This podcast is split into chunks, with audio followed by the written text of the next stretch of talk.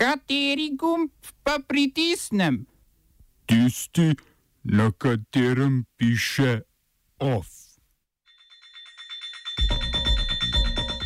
Izraelski zakonodajalci izglasovali razpustitev parlamenta.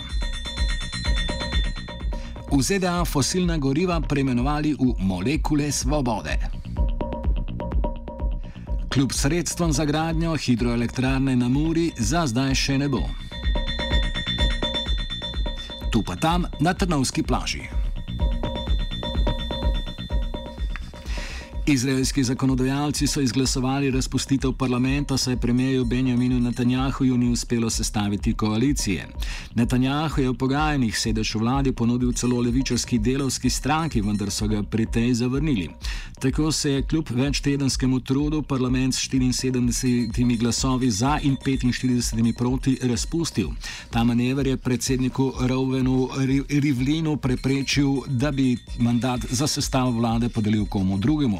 Zaradi razpustitve bodo v Izraelu predvidoma septembra potekale nove volitve. Kljub obtožbam korupcije v treh pravosodnih primerjih je Netanjahujevi stranki Likud na aprilskih volitvah uspelo zbrati 35 od 120 sedežev v parlamentu.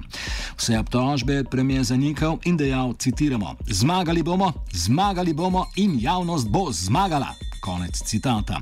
Glavne prepreke pri oblikovanju koalicije so bila nasprotovanja osnutkom vojaškega zakona o upravljanju obveznega vojaškega roka.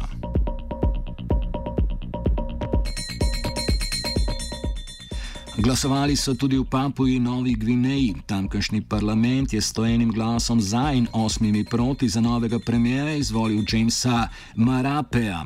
Do, do izvolitve je prišlo po včerajšnjem odstavku Petra O'Neila, ki se je po sedmih letih opravljanja funkcije odločil za umik, ko je postalo jasno, da ga v parlamentu čaka glasovanje o nezaupnici. Marape v, je v O'Neilovi vladi deloval kot finančni minister, vendar je zaradi nestrinjanja z naftnim poslom, ki ga je vlada sklenila s francoskim podjetjem Total, aprila odstopil z položaja. Eden izmed poslancev Marapeve stranke, Pangu, je že napovedal, da bodo ob prevzemu oblasti sklenjene pogodbe v vrednosti 11,5 milijard evrov s Totalom in še dvema podjetjema, ki dovoljuje podvojitev izvoza načrpane nafte, ponovno pregledali. V Sudanu je drugi dan vse splošne stavke, ki poteka v sklopu protestov proti vladajočemu vojaškemu svetu. Vojska in civilna opozicija sta sicer sprejeli dogovor o triletnem prehodnem obdobju, a to demonstracij ni ustavilo in so se po prekinitvi pogajanj nadaljevale. Stavka je najbolj prizadela finančni in bančni sektor, saj je bila večina bank zaprtih, v bankomatih pa je zmanjkalo gotovine.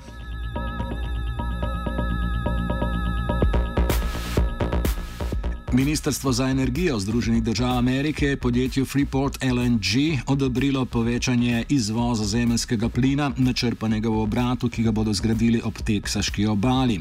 Ob tem so fosilna goriva preimenovali v molekule svobode, zemljski plin pa poimenovali Freedom Gas oziroma plin svobode.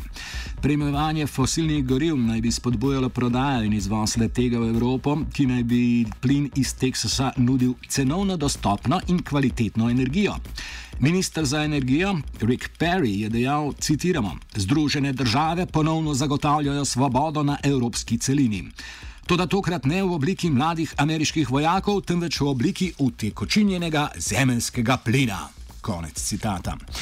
Perry tudi trdi, da naj bi s prodajo plina svobode Evropi ponudili alternativni vir energije, ki ni odvisen od Rusije. Seveda pri debati nikoli ni prišlo do omembe obnovljivih virov energije.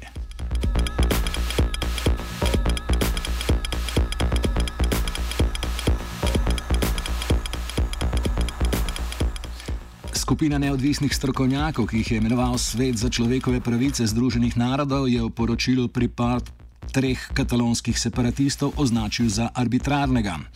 Več kot leto in pol trajajoče priprtje Žordija Kujčarta, Žorja Sančeza in Oriola Junkerasa bi, je bilo v deklaraciji v nasprotju z deklaracijo človekovih pravic ter mednarodnim paktom o državljanskih in političnih pravicah.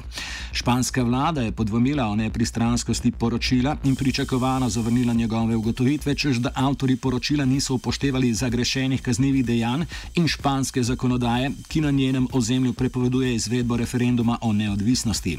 Omenjeni separatisti se sicer soočajo z obtožnico upora, ki ga zakon opredeljuje kot upor na nasilen in javen način. Oba, če, če bom odgovoril na angliški. Slovenija will try to help. We can Slovenija will and we will do our utmost To say that the situation is our problem ourselves. and uh, We will make further steps as soon as the conditions are bomo vlado Marjana Cererja, Mira, Marjana Cererja Šarca podprli. uh, very, very serious. we know how and we will.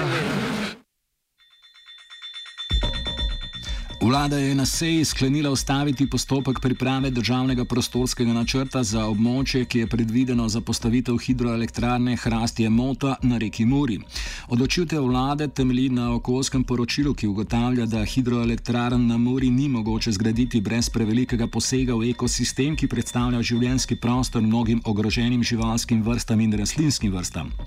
Z ustavitvijo postopka priprave državnega prostorskega načrta je pod vprašaj sedaj postavljena koncesija za energetsko izrabo Mure, ki je po podeljena družbi Dravske elektrarne Maribor. Slednja bi sedaj lahko zahtevala povračilo že vleženih sredstev, teh je za okoli 10 milijonov evrov, a po besedah ministra za okolje Simona Zajca morebitna zahteva nima podlage.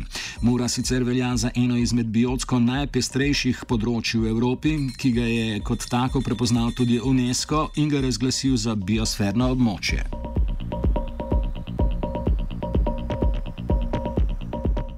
V slovenskih vodah je zaplulo novo plovilo ribiške inšpekcije. Ministrstvo za kmetijstvo je uspešno kandidiralo za evropska sredstva in tako pokrilo 70 odstotkov 400 tisoč evrov vredne naložbe. Ribiška inšpekcija, ki pardon, ribiška inšpektorja, ki bosta uporabljala novo plovilo namenjeno nadzoru morskega ribolova, pa tudi reševanju, sta in še bosta delovala tako na območju slovenskih teritorijalnih voda, kot tudi na območju Evropske unije, kjer nadzor opravljata skupaj s hrvaško in italijansko ribiško inšpekcijo.